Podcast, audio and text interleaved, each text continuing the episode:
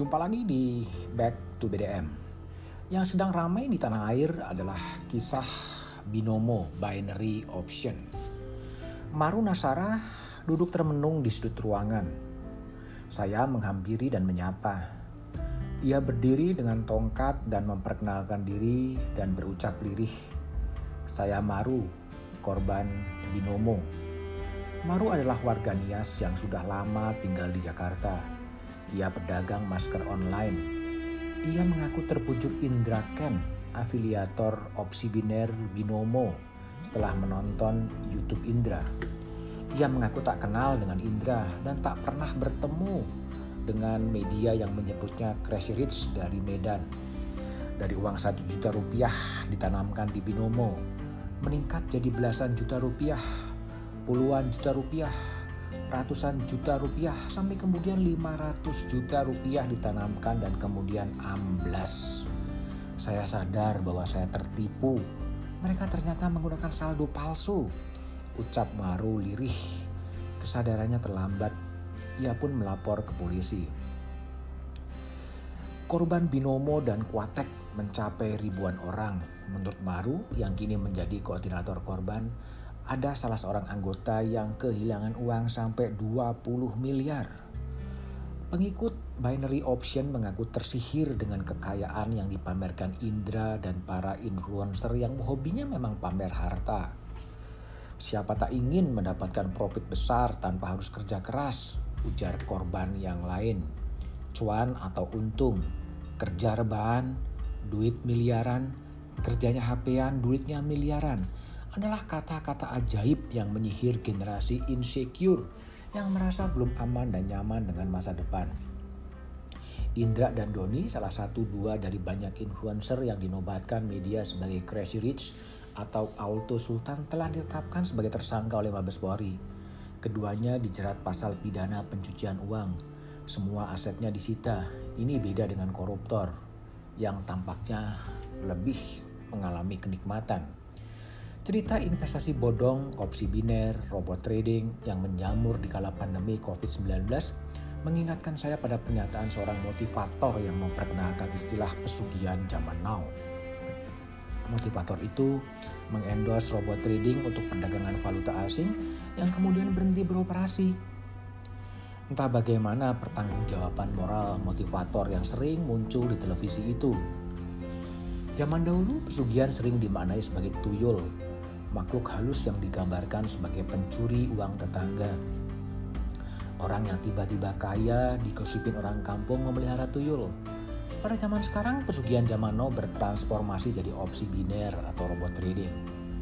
Cerita soal Indra hanyalah pengulangan sejarah bangsa ini. Model investasi bodong sudah ada sejak Republik ini berdiri. Coba lihat tajuk rencana harian Kompas 30 Oktober 1968, 54 tahun lalu pernah menulis begini. Para pemilik uang masih hinggapi sikap spekulasi tanpa perhitungan tangguh. Semboyan yang mendorongnya ialah ingin mendapat keuntungan sebesar-besarnya dalam tempo sesingkat-singkatnya atau dirumuskan dapat untung besar hanya dengan goyang kaki. Itu tahun 68 ketika Kompas menulis kisah Sinar Semesta, pemborong bangunan di Jakarta yang mencari anggota untuk menitipkan dananya dengan pengembalian besar. Setelah uang terkumpul, kaburlah penggalang dana itu. Tahun 1992 ada Kisru Suti Kelola yang bergerak di bidang penjualan barang rumah tangga secara kredit. Di tahun 2002 ada investasi abal Kurnia Subur Alam Raya dengan underlying perkebunan. Kisar menggait 6.000 investor dan 500 miliar dana dikumpulkan. Kisar diendos sejumlah tokoh politik di republik ini. Kisar ambruk, dana pun amblas. Mengutip seorang penulis opini di Kompas Muhammad Fatidillah Akbar 17 Maret 2022, kejahatan merupakan bayangan dari peradaban yang sedang berkembang. Crime is the shadow of civilization. Kecintaan berlebihan pada uang berlebihan adalah ibu dari kejahatan. Pesugihan bertransformasi dari tuyul jadi opsi biner atau robot.